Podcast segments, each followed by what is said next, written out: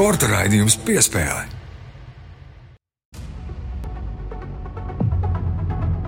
Latvijas radio pirmais kanāls, sporta raidījums piespēle kārtējā svētdiena, un uh, beidzot esam nonākuši pie tā, par ko runājām pagājušajā svētdienā. Pagājušajā svētdienā par sporta karalienu vieglu atlētiku pieminējām arī karalu futbolu, bet teicām, ka tajā reizē vēl par futbolu nerunāsim, bet šo svētdienu gan beidzot ir tā diena, kad runāsim arī par sporta karali, un pie mikrofoniem kā Lēža Mārtiņš Kļavnieks Mārs Bergs. Jā, laiks apspriest pasaules sporta karalu futbolu. Ir noslēgusies Latvijas futbola virslīgas sezona, un šajā gadā triumfēja RFS komanda. Pie mums ciemos ir RFS vadītājs Mārcis Kalniņš. Mārcis, sveiks! Sveiki! Sveiki. Tāpat arī Latvijas Futbola Federācijas prezidents Vadims Ļašenko. Sveiks, Vadim! Labdien! Un viens no labākajiem Latvijas futbola žurnālistiem, daudzkārt par labāko atzīts arī no federācijas puses, Edmunds Novickis pārstāv sporta cenas komēdiju. Sveiks, Edmunds! Sveicināt!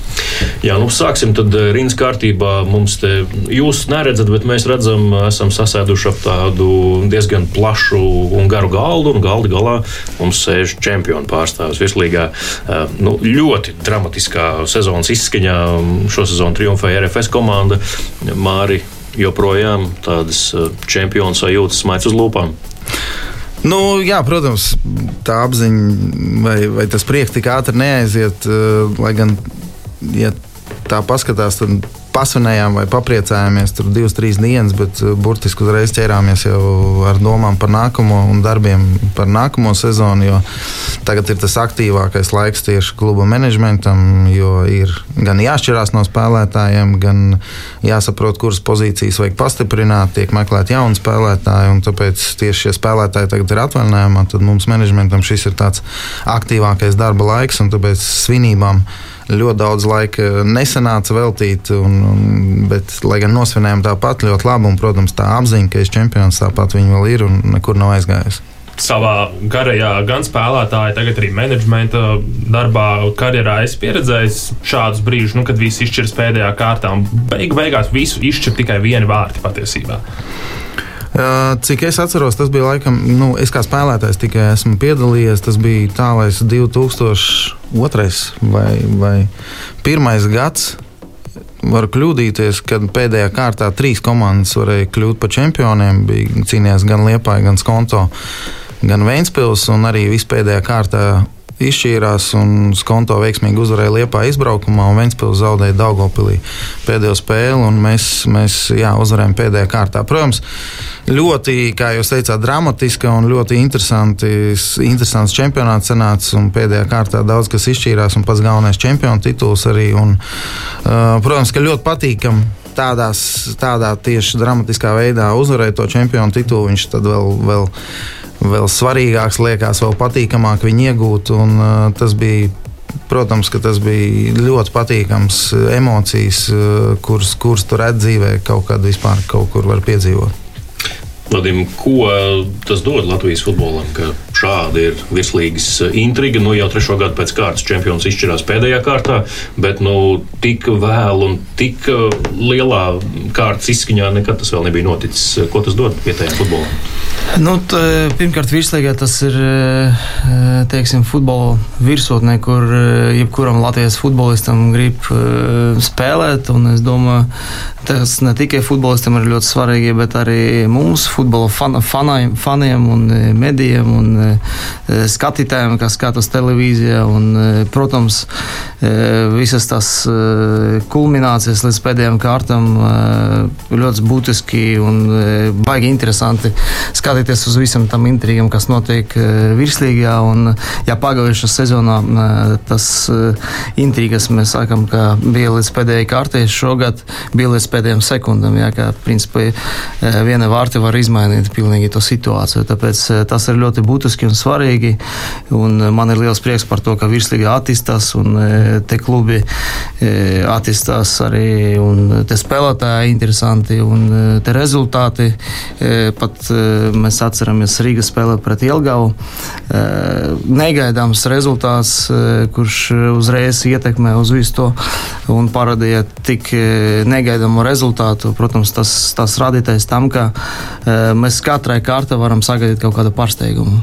Tas ir ļoti būtiski un svarīgi. Jā, nu šeit studijā Māris un Edmunds, cik es saprotu, abi bija Valmierā. Jā, skatījās. Es Nē, es nebiju Valmierā. Vadims bija Valmierā. Vadims bija Valmierā. ah, ok, ok. Mums divi Māri šeit. Jā, tad uh, vadītājs Mārcis Bergs, redzījuma vadītājs un Edmunds bija Valmierā.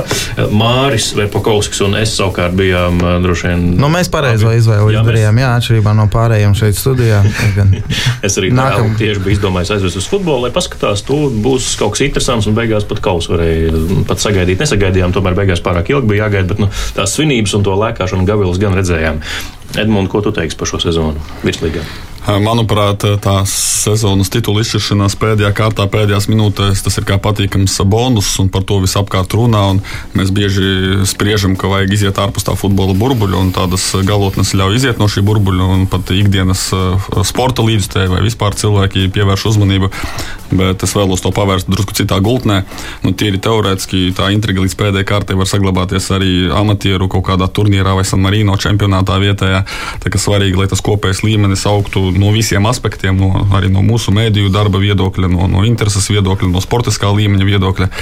Tādējādi man personīgi tomēr svarīgi, lai, tā, lai tie Eiropas mums padodas, un tā ir tā diezgan būtiska mēraukla Latvijas futbolam. Un kopējais virslīgas līmenis arī, arī zina tāpat lai, lai mazāk ir 1-7-0-7, eh, kas, diemžēl, arī šogad atsevišķos mačos eh, Lūk, Māra Verpakovska komanda nežēlīgi ar dažiem pastarīšiem izrīkojās tādā ziņā, bet es neko sliktu par šo gadu nevaru sacīt. Eh, skaidrs, ka kaut kur Eirokausos cerējām uz lielākiem sasniegumiem, tā skaitā no RFS.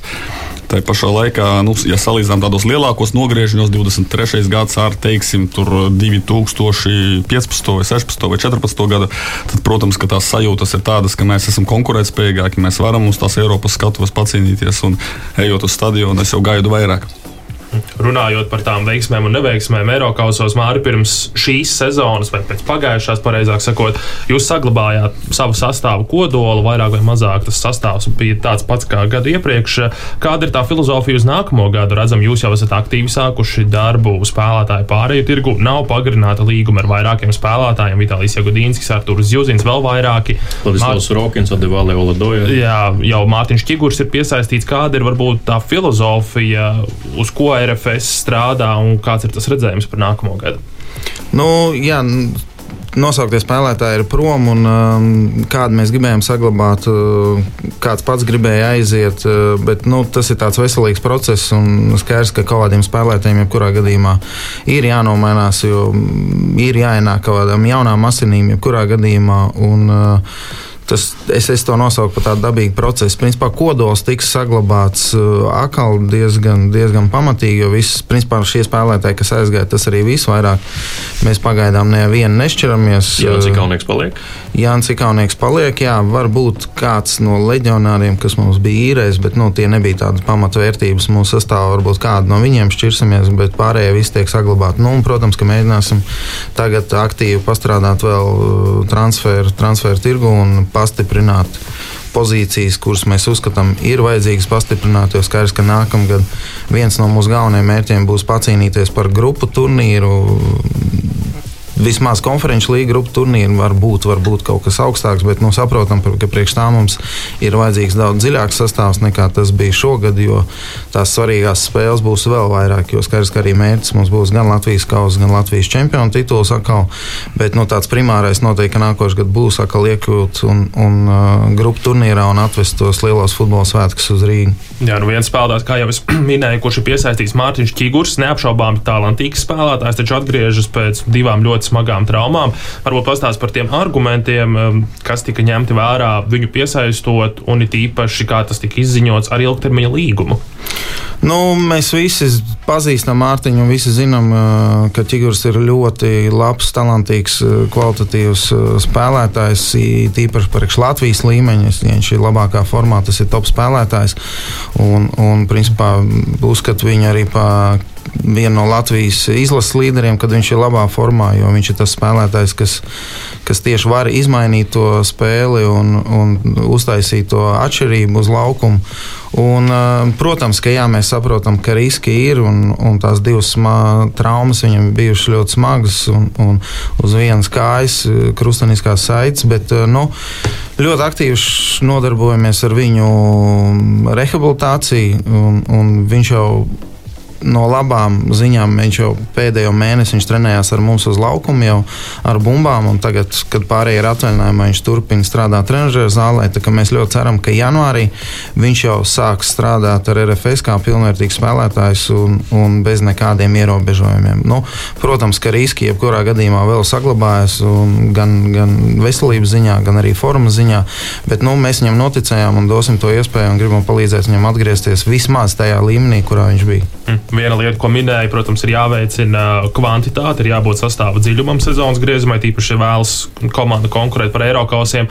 Bet par kvalitāti runājot, kuras pozīcijas varbūt ir tās, kur RFS vēlas īpaši piestrādāt, nezinu, uzbrukums, uzbrukošie pussargi. Jā. Uh, vārdsargu, vārdsargu pozīciju mēs atstāsim tādā pašā sastāvā, kādas, kāda mums bija. Mēs nekādas izmaiņas neveiksim. Uh, tādas aktuālākās vietas vai pozīcijas, kuras mums vajag pastiprināt, šobrīd mēs redzam, tas ir balsta pusargs.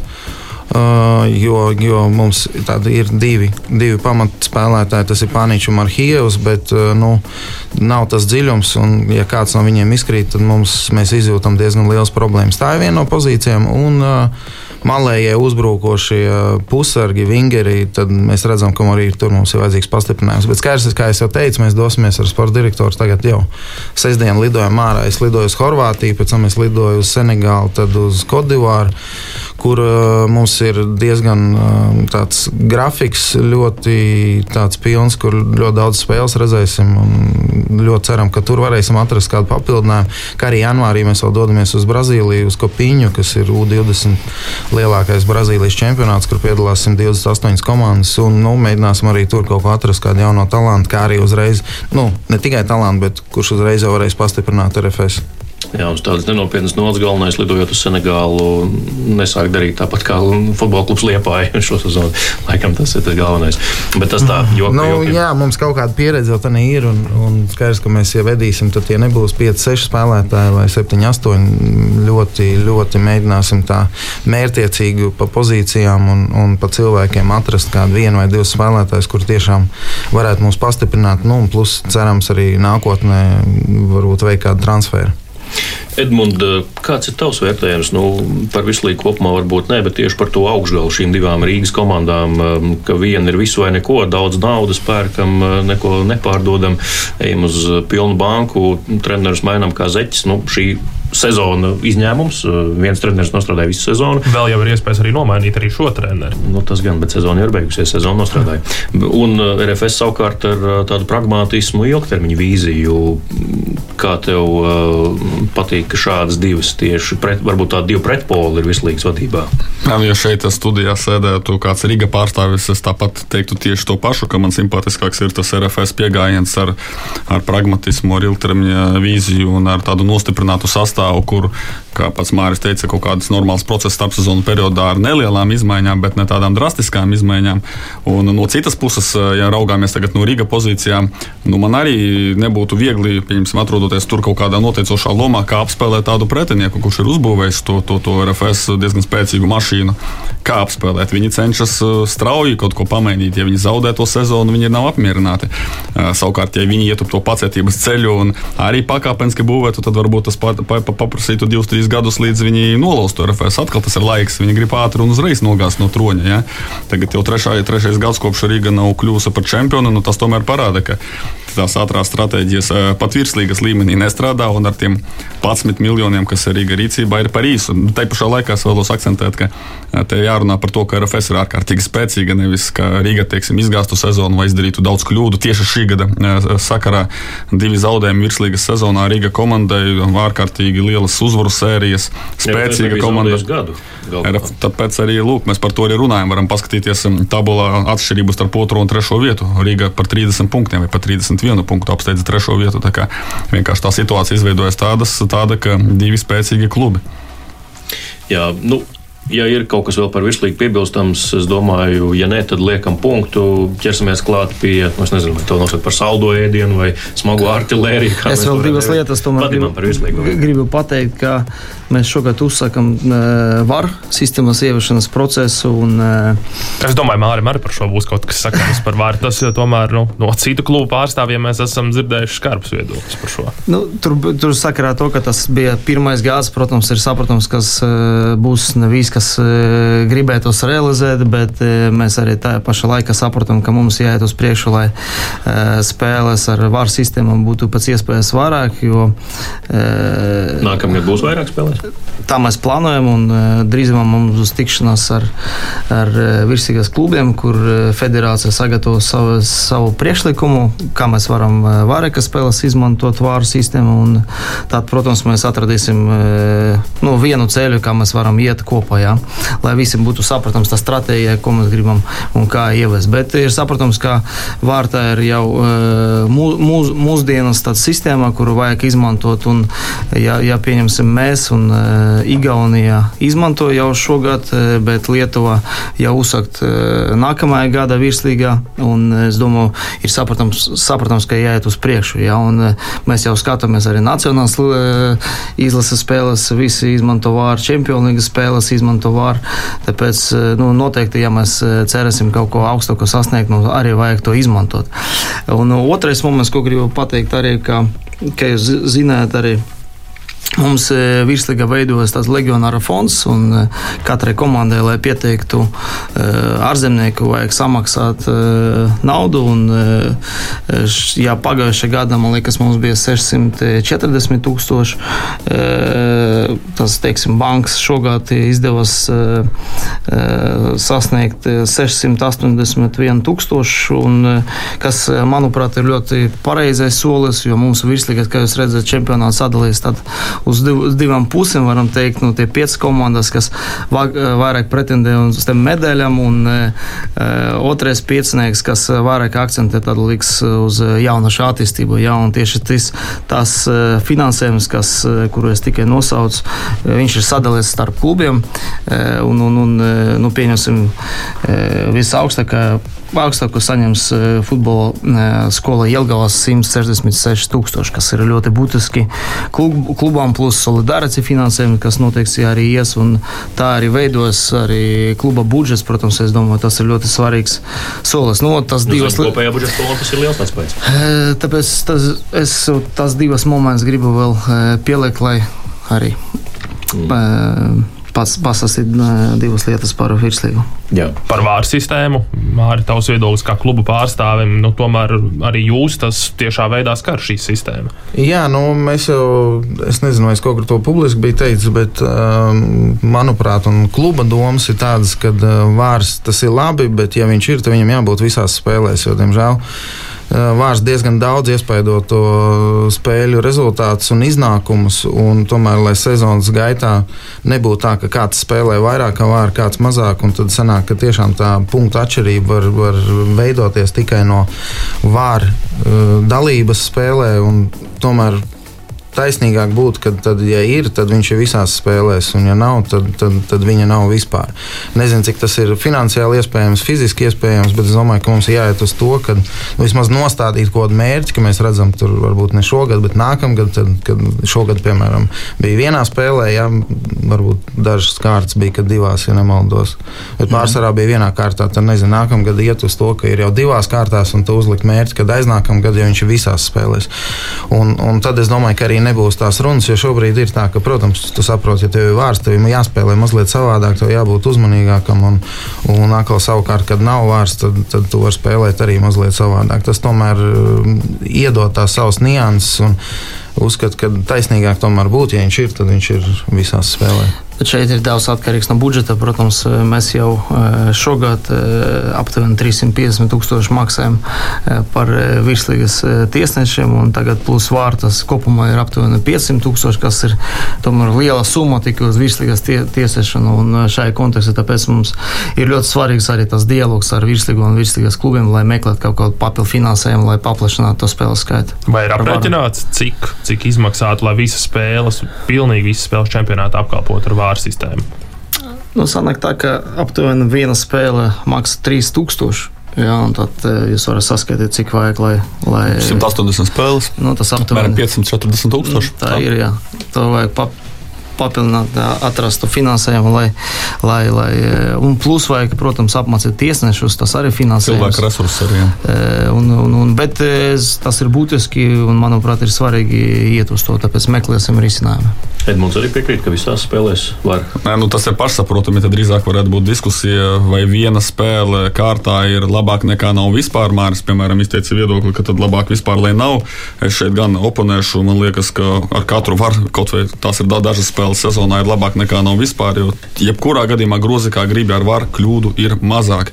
Ja nav var vispār, var sanākt ka kaut kāda ārkārtīgi rupja kļūda, acīm redzama kļūda, ko nu, nepaveicas tiesnesim, viņš sliktu pozīciju ir ieņēmis un, un uh, rupja kļūda izšķir kaut kādu tu- tu titula likteni un tam līdzīgi. Tomēr var izlabot vismaz tās acīm redzamās kļūdas, un jo vairāk vara, jo, jo labāk tas ir skaidrs, bet, bet labāk arī viena spēle kārtā nekā nav vispār mans viedoklis personīgais. Noslēdzam par virslīgu nu, ķeramies klāt Latvijas izlasēji. Eh, Es zinu, ka daudziem sabiedrībā, arī futbola sabiedrībā, ārpus futbola sabiedrības ir ko teikt, bet eh, nu, tad uzklausīsim eh, jūs, trīs kungus, eh, šajā pārēdē šoreiz.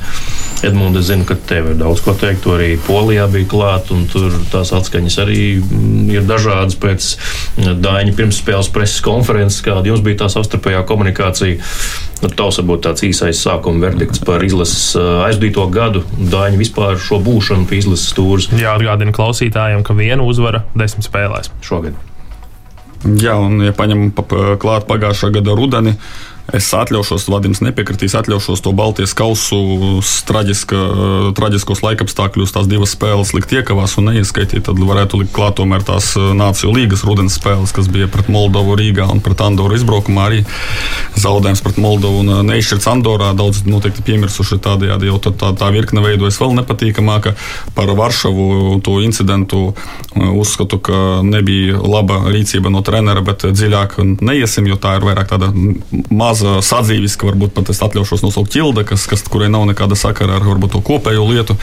Bet, tā, nu, tu piekritīs, ka Dāņa pēdējā laika publiskā komunikācija ir tāda Tas ir viens no punktiem.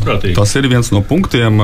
Atkal es uz, uzsveršu, ka varbūt tas nav pats pats svarīgākais. Es labprāt redzētu Pīlsas stūres arogantu treneri, kurš uzvar spēles, kurš pasaka, Edmunds es ar tevi nerunāšu, tur Ilvarkus Cinkevičs, tev ir viens jautājums, nevis četri, un ierobežojumi, komunikācija, vēl kaut ko, bet mēs uzvaram visas spēles. Tas tagad tā līdz absurdam piemēram, bet būtu ok, es būtu priecīgs, ja Latvijas izlase gūst panākumus. Par to komunikāciju skaidrs, ka izlases uh, trenerim tā arī ir diezgan būtiska darba sastāvdaļa. Viņš veido izlases uh, tēlu. Man ārkārtīgi nepatīk salīdzinājumi ar citiem sporta veidiem, daudzu iemeslu dēļ, jo tās ir nesalīdzināmas lietas. Bet pat noliekot malā tur konkurences jautājums vai rezultātu jautājums, protams, ka tādam vidējam sporta līdzekļiem droši vien patīk, kā komunicē tur, piemēram, basketbola izlases galvenais treneris. Jā. Un, un, un šādā veidā, un, protams, ka arī Dainis, kuram ir slikti rezultāti, viņam nu, tiešām mēs ne, neesam, manuprāt, arī mani aroda biedri nav pārspīlējuši ar kaut kādiem uzbraucošiem vai negatīviem jautājumiem vai par to pašu atkāpšanos. Tie ir varbūt nu, cik, nu, divi, trīs, četri jautājumi gada laikā.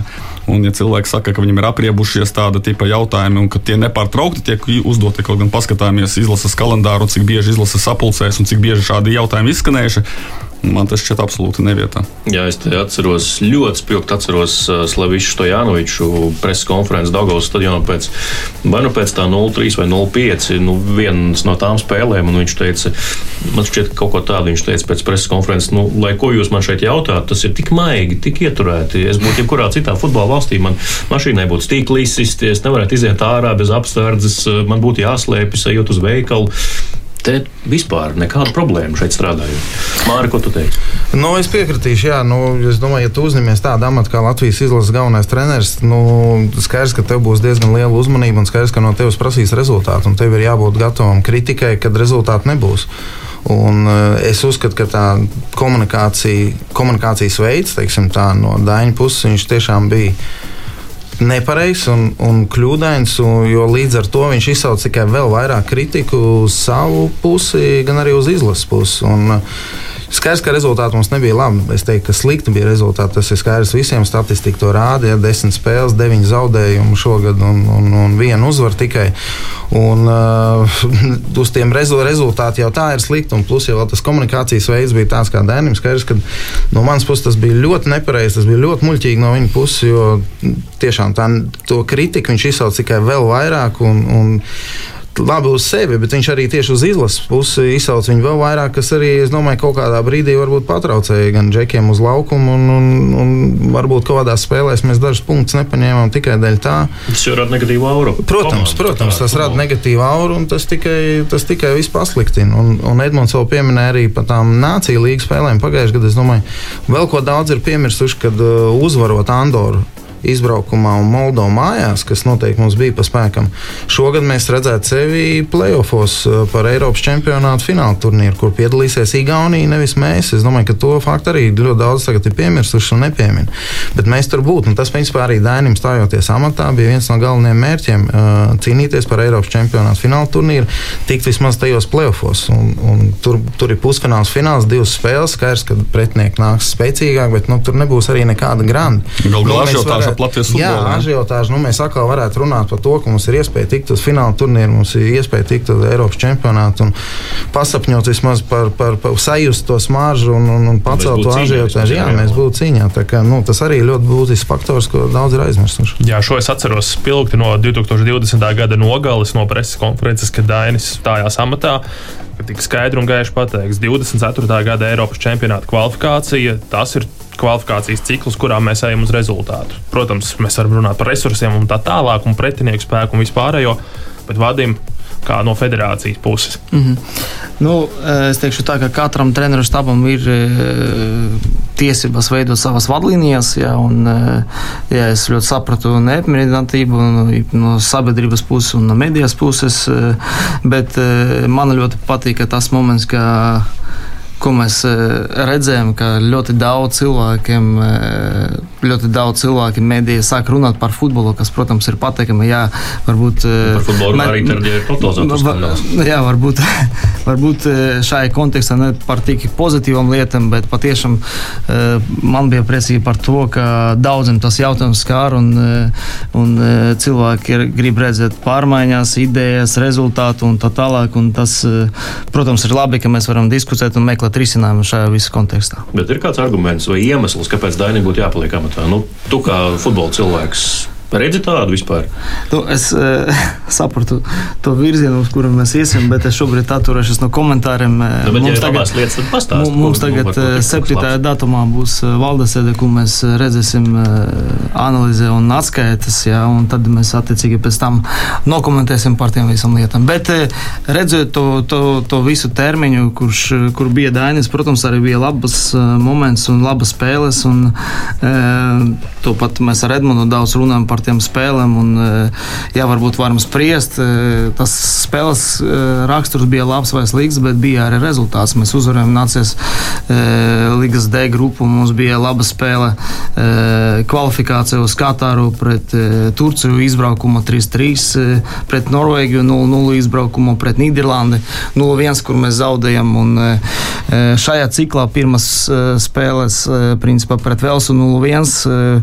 Neteikšu, ka bija slikta spēle bija normāla spēle, kur mēs bijām līdz pēdējām sekundēs e, cīņā un varam iesist un e, pat e, dabūt punktus. Pēc tam bija spēle pret Turciju, kur principā pie rezultāta 1-1 tiesneši kļūdu iemeslu dēļ neieskaitīt tīri vārti, tīri golu, kur mēs ieskaitām, var pārbaudīt to momentu 5 minūtes un beigu beigas neieskaitīt. Ja būtu 2-1 rezultāti, tad mēs varētu to spēli uzvarēt, bet beigu beigas mēs dabūjām sarkanu karti, pēc tam Viņi iesita 2-1, 2-2 atspēlējamies, mēs visu to atceramies. Un, un e, pēdējo sekundi, diemžēl, zaudējām 3-2. Pēc tam bija spēle Armēnijai, kurš, manuprāt, bija Nu, es teikšu, slikta spēle pēc rakstura, bet tomēr rezultāts bija līdz 90 minūtēm 1-1 un 92. minūtē viņi iesita 2-1. Mēs zaudējam. Ja, ja šeit un šeit, ja Turcija un pret Armēniju mums būtu tomēr punkti, tad tas rezultāts varētu būt cits. Bet, nu, diemžēl, tā,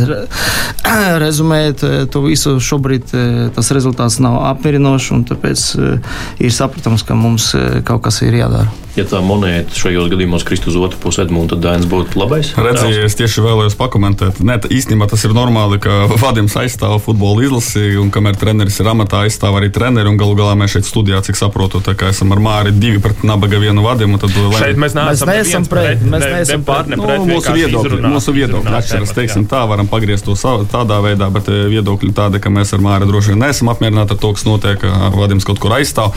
Bet, ne, tas, es, nē, nē, es arī neesmu apmierināts, bet es stāstu par to, par tiem spēlēm, kas bija labas. Jā, jā, tu stāst par spēlēm, kurām labi, bet es skaitā tu piemini mačus, kuros varēja notikt citādi, bet es šeit vēlos iestrpināt, ka mēs runājam tomēr par veselu atlases ciklu, vai pat jau var, varam runāt par visiem četriem gadiem, ja runājam par Daini. Un, protams, ka ir spēles, kurās mums veiksmes pietrūka un varējām dabūt vairāk, bet tieši pretēji.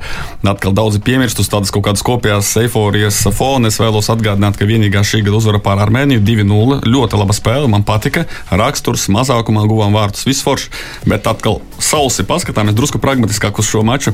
Pēc XG tātad vārtu gūšanas iespējas reālās sitienu iespējas 2-2 šajā mačā būtu objektīvāks rezultāts. Bumbas kontrole armēņiem, cik skatījos, bija laikam 68, mums 32. Un pie rezultāta 0 pret 0 armēņu futbolists no apmēram no 11 metru sitienu atzīmes tieši pret vārtiem aizstāv gar pašu vārtu stabu.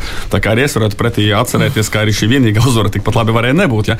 Citādi mēs, ja ir uzvara, mēs tas, tas ir pelnīt, un tad mēs meklējam tās zaudējumus, kur mēs varējām pavilkt vairāk. Tā kā vēlos šeit mazliet iebilst, ka kopumā jau tomēr jāskatās uz to kopējo rezultātu. Arī Vadims at, at, atzīst, ka tas rezultāts galu galā tomēr nav apmierinošs. Atgādināšu, ka strādā treneris 4. gadu, jau, jau nostrādājis 4. gadu. Un tā spēle pret Armēniju vispār bija tāds sajūta, ka izlase tā bez mazliet par spīti spēlēt. Jo atceramies, tas bija tas vakars, kad uh, H sektors Latvijas futbola fanu aktīvākā daļa uz pirmo puslaiku atstāja tribīnes. Un, lai arī tas tika skaidri un gaiši komunicēts, ka tas ir protests pret treneri, nevis pret komandu, bet beig beigās treneris un komanda, nu, viņi visi ir kopā tajā laivā. Jā, es gan personīgi arī esmu paudzis arī radio viedokli, tur, kur man tādas iespējas ir, ka man nešķiet pareizi no līdzteju puses, ka tieši šāda akcija tiek rīkot. Nu, ar komandu jābūt kopā labās un sliktās dienās, bet tas jau ir cits stāsts. Mārī, ja mēs abstrahējamies no dāņa personības vai, vai izpausmēm, komunikācijas, pat izlase. Nu, kā, jo futbolists aizstāv dāņu gal galā, bet tā izlases spēle, tu saskatīji kaut kādas pozitīvas nianses tajā visā sniegumā kopēji. Nē, nu skaidrs, ka nu, Dažkīts, ko Dažkīts cits teiks, cits teiks. Viņš pasaka, ka viņš nu, nomir, gatavs nomirt uz laukumu pa dāņu, ko viņš pateiks, ka treneris ir jāvāc nost. Nu, skaidrs, ka viņi neizsauks vienkārši nākamreiz. Viņam citi īpaši opcijas nemaz nav kaut ko, kaut ko citu teikt. Es, nu, es, es nezinu, cik bija intervija ar Vladislavu Gutkovski, kurš polijā ārstē savu traumu. Nu, viņš arī diezgan labi izteicās par dāņu, bet, protams, viņi visi spēlē dāņu vadībā. Jā, nu, tā kā es nedomāju, ka tas ir objektīvi un spēlētājus vajadzētu eh, šobrīd klausīties. Eh, man, teiksim, arī viens, ko mēs aprunājam, jā, tā ir tā komunikācija, bet tas tiešām, kā Edmunds teica, galvenais, lai ir rezultāts, un tad, lai viņš runā, kā viņš grib, un tas nav tas galvenais, uz kam jāpievērš uzmanība. Kas man pietrūka, varbūt redzēt izlases uh, sniegumā, ja tīpaši šogad, lai gan ne tikai šogad, tas, tā bija tāda stabilitāte, jo mēs varam nospēlēt labu spēli, tad nākamā spēle, tu vari gaidīt, ka mums būs slikta spēle, un ka mēs neparādīsim to sniegumu. Es nezinu, ar ko ir tas saistīts, un te, te laikam tas Dainim ir jājautā, bet es domāju, tas tieši, ko mēs varam prasīt no. Ar, treneru un, un treneru korpusu, lai izlase rādītu stabilu sniegumu. Un mēs redzam, kādas spilgtās spēles tas nozīmē, ka spēlētāji var spēlēt labāk, ka spēlētāji var uh, arī spēlēt pret spēcīgāku pretinieku un rādīt labu sniegumu. Tāpat Turcija ja, mājās, kas mums tagad no pēdējā gada bija. Tad jautājums ir, kāpēc mēs nevaram biežāk uh, tā spēlēt un turēt to, to labo sniegumu regulārāk uz laukuma. Kā arī, nu, kas vēl man nepatīk, tur, tie, ka Dainim ir tas melns melnais saraksts, kur ir vesela kaudze spēlētājiem, kurus viņš nesauc jau uz izlasi dažādu iemeslu dēļ. Man, nezinu, man RFS rindās trīs tikai tādi ir, kuri, kuri būtu, es pat teiktu, eh, pamatsastāvs spēlētājiem ja varētu spēlēt, tas ir Zuzins, Iegodīnskis un Steinbors. Jā. Un pēc tam mēs spēlējam, mēs zaudam mājās, nezinu, pret Velsu vai, vai pret Horvātiju. Mums tur pirmā maiņa tiek veikta 83. vai 85. minūtē, jo treneris saka, ka mums nav spēlētāji, kurus varētu pastiprināt izlasi rindas, un kuri nu, šobrīd nav tādi spēlētāji. Bet nu, es atvainojos, man klubā ir trīs tādi. Nu, tad tā ir arī tava, tas ir tavs darbs, atrast uh, veidu, kā ar tiem spēlētājiem komunicēt, kā atrast kopīgu valodu, nogludināt kaut kādus stūrus, jo interesēs ir. Mums nav tik daudz spēlētāju, ka mēs varam atļauties tur taisīt melno sarakstu spēlētājiem, kurus mēs negribam redzēt kaut kāda personisko ambīciju dēļ izlases rindās. Tas jau, kā Edmunds teica, ja tas dot rezultātu, tad jau neviens par to. Tieši tā, bet tad es gatavs, ja nav rezultāts, tad pieminēsies un atcerēsies visu, gan tavu komunikāciju, gan spēlētāju, kur nav izsaukt, es tam gatavs. Tad nebrīnīties, kāpēc ir kaut kādi nērtie jautājumi no žurnālistu puses. Vai mēs varam runāt arī par tādu lietu kā kaut kāds paškritikas un ambīciju trūkums izlases spēlētāju, treneru vērtējumā, jo katrā preses konferencē, jā, viņi jau spēlē augstākās līgās un paskatieties uz klubiem un uz visu pārējo, bet nu, nu, tā jau tas ir vienmēr bijis, ka Latvijas izlasē nu, nav daudz spēlētāju, kuri būtu jebkad spēlējuši top klubos, kaut kā jau tas rezultāts iepriekš ir nācis. Jā, nu, Mārcis laikam vislabāk var pastāstīt. Nu, jā, nu, tā ir viena no muļķīgākām atrunām. Es nezinu, nu, skaidrs, ka vienmēr ir bijusi visos pretiniekos, nu, jebkurā pretiniekā, gandrīz jebkurā, jā, es nesaku tur Samarino, Liechtensteinu vai, vai Andoru, bet nu, pārsvarā tur no pirmiem trijiem vai četriem groziem, jebkura komanda, kur nāks, skaidrs, ka uh, spēlētājs sastāvs būs spēcīgāks. Nu, un te Edmundam nepatīk, bet es varu pieminēt, nu, tāpat mūsu hokeja izlase vai basketbola izlase, nu, viņi arī spēlē ar izlasēm, kur ir spēcīgāki spēlētāji, spēlē labākos klubos un arī Latvijas. Latvijas izlase, kad sasniedz rezultātus, nu, tad o, tur Polijas vai Zviedrijas izlasē, toreiz vai Ungārijas izlasē nebija labāk spēlētāji. Nu, skaidrs, ka bija. Tāpēc nu, es neuzskatu, ka tas ir tāds arguments, ar kuru varētu attaisnoties no zaudējumiem.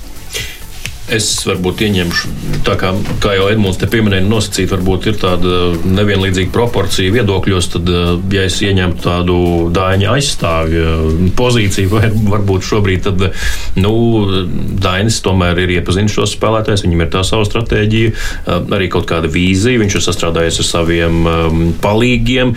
Nu, Galu galā gan jau kaut kāda doma tam visam apakšā ir, un varbūt vēl no citas skatu punkta, ko arī daži piemin, nu, vai tad ar kādu citu būtu kaut kas labāks. Edmund, ja mēs nomainītu vienkārši dāņu pret kādu citu, ja arī nebūtu labāk, tad kaut kas mainītos. Es varbūt no tāda cita rakursa, tagad arī, lai nav vienos vārtos, kad Dainis atnāca un uh, izteica savu stratēģiju, kā viņš uh, darbosies.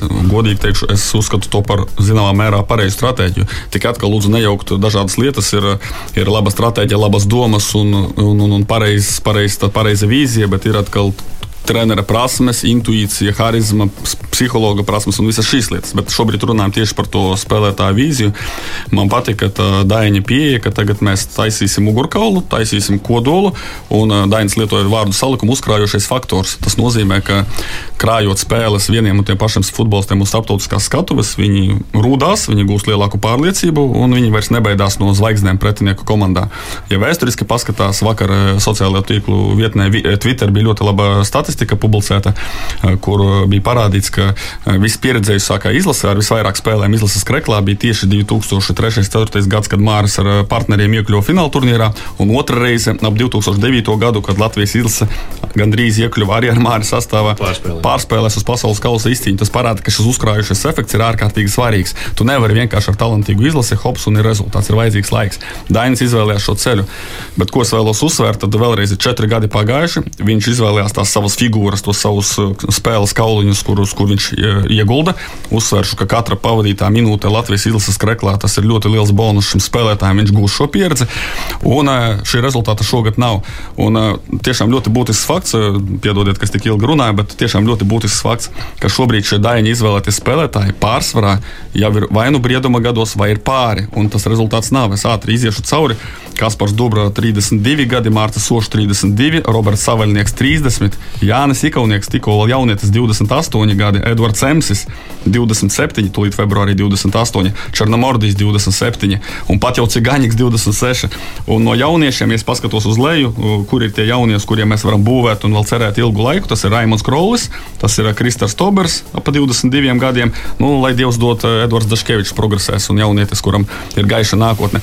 Bet tā, tā, tas, tā lielākoties tā, tā, tā pamata grupa ar spēlētājiem, viņi jau ir sasnieguši arī vēl Gutkovski neminēja, jo viņš savainojuma dēļ šo izlaidu otro pusgadu. Arī Gutkovskim jau 28 28. gadi.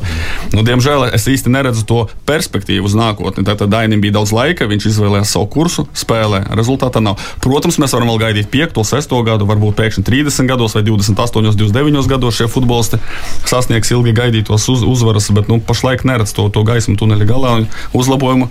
Arī simboliski, ka šodien tika publicēts jaunais FIFA ranks, mēs atgriezāmies tajā pašā pozīcijā, ar ko Dainis sāka. 100, kuru, 137. ja nekļūdos. Jā. Vadim skaidrs, ka tev rūp Latvijas futbols, arī Dainim tas eh, rūp. Nu, kāds ir jūsu ikdienas sarunas? Cik bieži jūs tiekaties pārunājot par to, kas ir labi, kas ir slikti, vai jūs strīdaties, vai, vai tu viņam kaut ko pārmet, nepārmet, vienkārši ļauj viņam strādāt? Zini, kā man tā, pieredze šajā amatā un vispār vadošos amatos, es biju arī futbola klubos un telpu futbolā. Nu, es nekad neiešu uz zirbatē un nestāstīšu, kuru spēlētāju ir jāņem vai kuru sastāvu ir jāspēlē. Jā. Tas tomēr ir vienmēr trenera atbildība Es no savas puses, man ir galvas, galvenais nodrošināt tie apstākļi, lai trenerim būtu komforta apstākļi, sagatavot komandu. Ja, un, ar to es vienmēr nodarbojos, ar, lai iedot iespējas izvēlēt varbūt pretnieku uz draudzībām spēlēm. Tagad mēs spēlējam pret Poliju, kas, manuprāt, arī bija interesants duelis. Tieši es domāju, ka arī mūsu spēlētājiem papildu motivāciju, jo tas ir varbūt tas nākamais tirgus, kur viņi var tikt un spēlēt. Un jaunzeme piemērs mēs redzam, ka nu, tas, es domāju, ļoti svarīgi. Un es domāju, tā mēs ar Dāniju, protams, komunicējam, bieži runājam. Un, ja viss, kas bija nepieciešams, runāt par kaut kādu mehānismu, kā mēs varam spēlētājus atbalstīt, vai papildu motivāciju atrast spēlētājiem, nu, to mēs vienmēr darām. Jā, mm, tā tad atskaites punkts šobrīd ir 7. decembris, jā, valdes sēde. Jā, nākamā, nākamajā valdesēdē mēs tiekamies ar eh, visas eh, vīriešu izlasēm un treneriem, un tad runājam par eh, atskaitēm un attiecīgi pēc tam pieņemsim lēmumu. Kompensācija daļu līguma atlaišanas gadījumā ir, kā saka, tautas valodā paceļama federācijai. Bet īpaši ir palicis tikai viens gads līgumā. Nekā, nekas neizmainījies. Tas bija tas pats, tāda paša summa, kas bija e, vēl pirms manis e, līgumā. Mhm. Līdz ar to Galvenais ir izvērtēt, salikt plusus un mīnusus un tad saprast.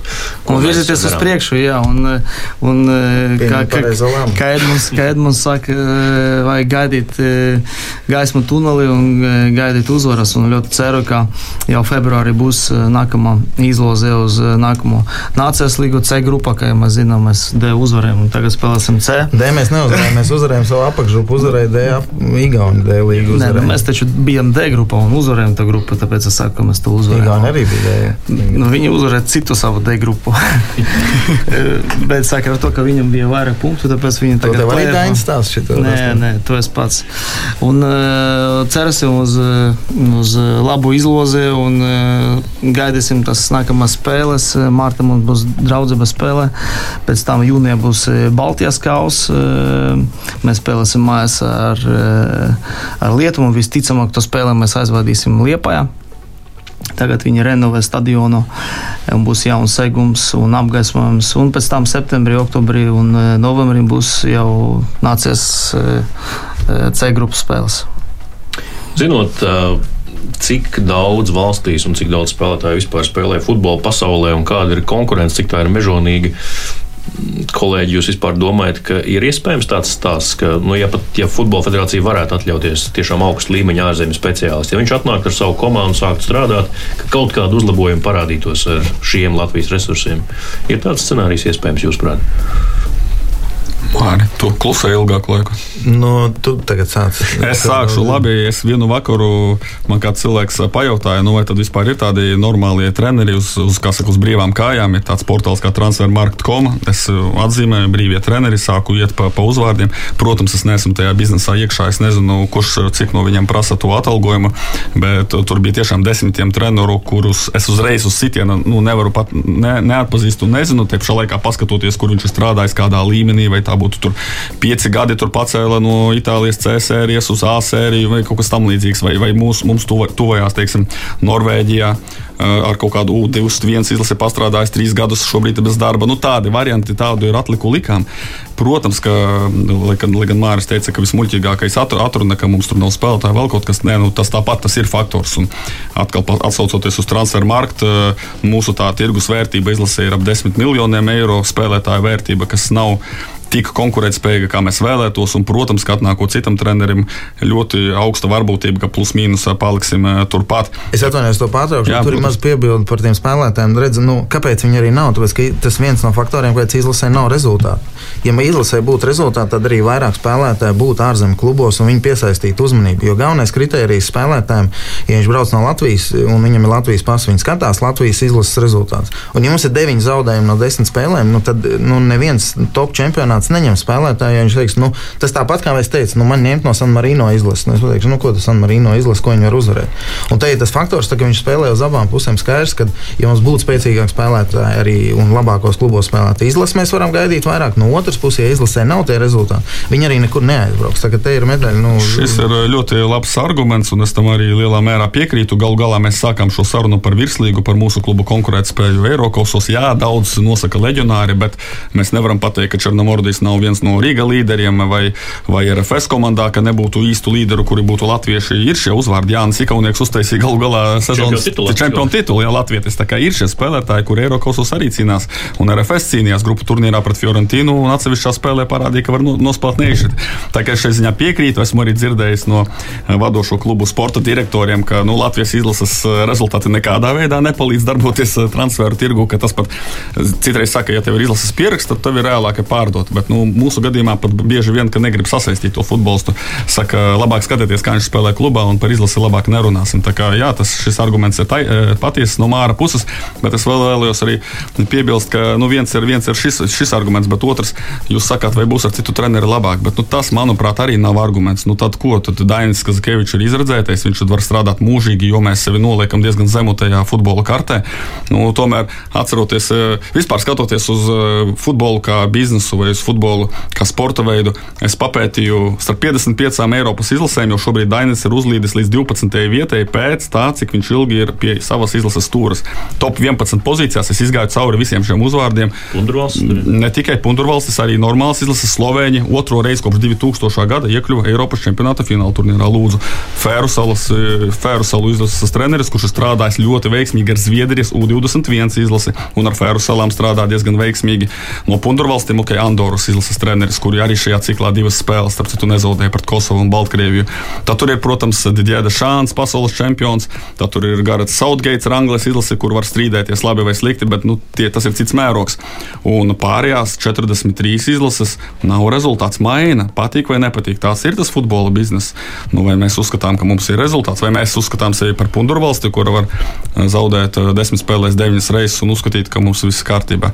Tas, tas, ka cits treneris nespēs varēs veikt milzu lēcienu, tas nav arguments, lai sēdētu pie šīs situācijas. Jā, nu to mēs redzējām arī tagad. Nu, Polija nu pat redzētā nomainīja treneri cikla gaitā, Turcija nomainīja treneri cikla gaitā. Māri desmitiem piemēru šādu. Nē, es teikšu, nu, jā, tā, ka tas, tas ir, ir labi piemēri, ir arī teiksim, tie piemēri, kas neko, neko baigi neietekmē. Ja, un, e, ir arī nu, dažādi, piemēram, Igaunē, viņam tagad ir no Šveices e, treneris. Ja, nu, e, es neteikšu, ka tas spēja, viņi tā uzreiz uzsaka kaut kāda uh, labāku sniegumu. Uh, mēs redzam, cik viņam ir pūkti tabulā un redzam, tie rezultāti vēl sliktāk nekā mums. Jā.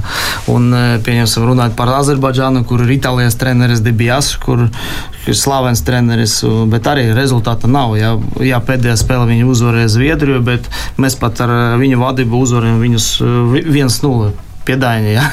Un šajā kontekstā ir tādi piemēri ir tādi. Šeit ir ļoti svarīgi atrast tādu, nu, ar kuru būs ķīmija un e, nu, iedot viņam visu, visu iespējams, lai to rezultātu dabūtu. Bet tas nav tik vienkārši. Nu, skatīsimies, kāda būs Latvijas izlases nākotne. Kungi, es domāju, mēs varētu diskutēt nu, vēl vismaz stundas, 4-5, bet uh, laiks ir nepielūdzams. Mums uh, vadim jāparunā arī uh, sarunas noslēgumā par telpu futbolu uh, un uh, par šonadēļas nogali, kur arī kaut kādā mērā izšķirsies uh, Latvijas futbola tuvākā nākotne, varbūt arī telpu futbolu. Jā, tomēr gan izvērt divi dažādi sporta veidi. Jā, un uh, nu, iespējams, jā, lielākais notikums telpu futbola vēsturē, kas to lai zina. Iespējams, ka Latvija tiks pie pie Eiropas čempionāta fināla turnīra rīkošanas kopā ar Lietuvu 2026. gadā. Cik tas ir reāli, ka tomēr piešķirs tiesības Baltijas valstīm? Nu, tagad, e, diemžēl, tieši sakrīt tā, ka otrajā datumā e, sestdienā UFO uzaicināja pie sevis, būs izpildu komiteja Hamburgā, un, kur viņi lems tieši par, e, par šo. Cik ir zināms, ir kandidā, kandidāti Beļģijā, Somijā, mēs ar Lietuvu kopā un Francijā. Un tā mēs skatāmies uz to, ka Francija ir visstiprākais pretinieks. Tagad viņi daudz iegulda uz uh, tālu futbola attīstību. Tagad tieši League spēlēs, spēlējot pret Franciju, neskatoties to, ka mēs uzvarējām, mēs uzskatām, ka Francijas komanda ir grupas līderi un, manuprāt, favorīti. favorīti viņš, viņi parādīja vakar fantastisku sniegumu un jā, nepaveicis varbūt ar rezultātu viņam, bet, bet manuprāt, stiprākā komanda šajā grupā. Jā, redzēsim, ka viņi šodien nospēlēs pret Barcelonu. Bet patiešām izredzes labas, un es domāju, ka e, otrā datumā ceru, ka būs pozitīvs lēmums. Un, e, un ceru, ka mēs to turnīru organizēsim Latvijā kopā ar Lietuvu. Tas turnīrs būs vislabākais UFO vēsturē. Nu, vai ir jālūdz valsts atbalsts, tāpat kā citos sporta veidos, lai šo turnīru sarīkotu? Ja tas tiek piešķirts, vai ir kāda aprēķina, cik naudas tam vajag un cik vajadzēs mm. no valsts? Jā, nu mēs, eh, teiksim, tā, mēs šobrīd eh, nebijam pie valsts. Eh, mēs saprotam, ka UFA iedos arī finansējumu, lai to turnīru organizētu. Un, protams, mēs, kad būs redzama tā pēdējā tāme, tad mēs nākam un, nāksim un runāsim arī ar valsts un ar pašvaldību un redzēsim, kas varbūt pietrūks, lai organizētu to vislabākajā līmenī. Bet šajā kontekstā ir saprotams, ka vislielāko daļu UFO seks, un eh, ar to viņi palīdzēs mums organizēt. Tās turnīrs eh, būs eh, Kauņa arēnā un Rīgas arēnā Rīgā, ja, ja viņi mums to piešķirs. Fināls Rīgā vai Kaunijā?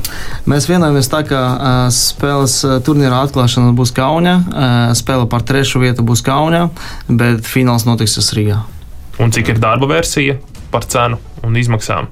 Nu, tā provizoriski. Nu, es, es tagad negribu pateikties, es to tā māju, godīgi sakot, e, pāris reizes redzēju, bet viņi mainījās, tāpēc es pēdējo ciparu nevaru nosaukt tagad. Un e, noslēgumā telpa futbols, kā jau Mārcis e, minēja, un futbols tomēr gandrīz divi dažādi sporta veidi, bet vai ja telpa futbols kļūst populārāks un noteikti, ja fināla turnīrs notiks Latvijā, tad tā tam vajadzētu būt. Tas var kaut ko dot arī lielajam futbolam. Man eh, patiešām liels prieks, ka eh, tagad eh, divas komandas, RFS un Riga, pārņem virslīgas telpu futbola komanda. Un, kā mēs zinām, RFS pārņem Nikars komandu, un tagad tā komanda saucas RFS. Un Riga pārņem Petro. Riga pārņem Petro, un tagad pārsauc to par Riga FC. Un tas derbi, kas bija futbolā, arī parādījās telpu futbolā, un par to ir liels prieks. Vienmēr ir pilnas tribīnas.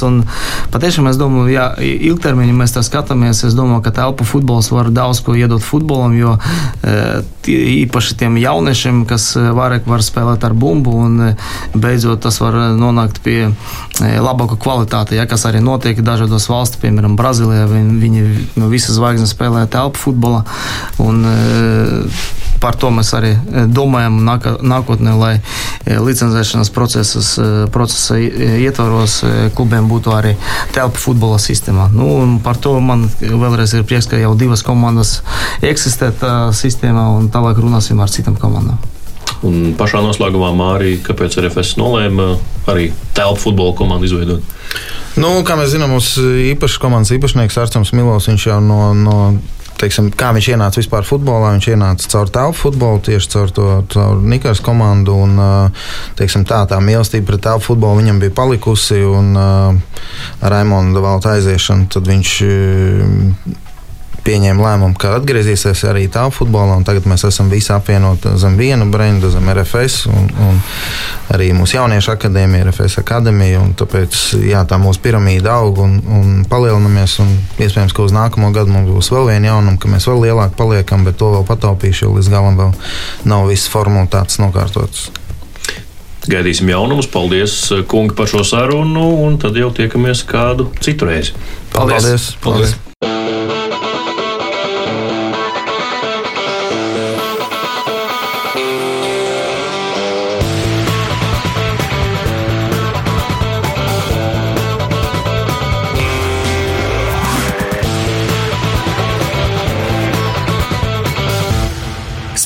raidījums piespēlē.